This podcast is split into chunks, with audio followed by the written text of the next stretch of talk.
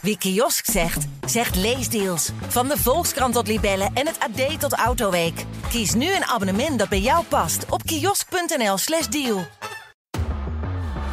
Welke verhalen schuilen er achter bekende merknamen? Uitgekookt, Fatboy, Toei. Je kent de namen allemaal. Ze komen bijna dagelijks voorbij. Maar weet je ook wat ze betekenen? Nou ja, je kan dus uitgekookt zijn, dus dat je niet meer hoeft te koken. Maar je kan dus ook uitgekookt zijn als dat je een slimme keuze maakt. Waar komen deze namen vandaan? Nou, wat ga je doen? Groot duur reclamebureau inhuren. Grapje, dat hebben ze niet, want ze hadden geen geld. Dus Nee, dat moest allemaal zelf maar houtje touwtje met een eh, Excel-lijst.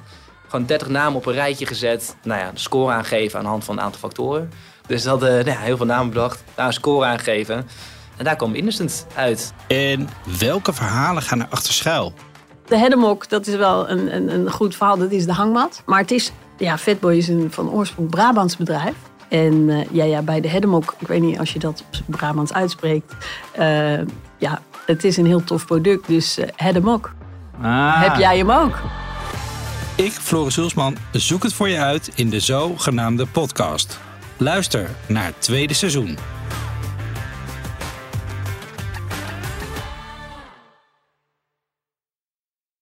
Wie kiosk zegt, zegt leesdeals. Van de Volkskrant tot Libellen en het AD tot Autoweek. Kies nu een abonnement dat bij jou past op kiosk.nl/slash deal.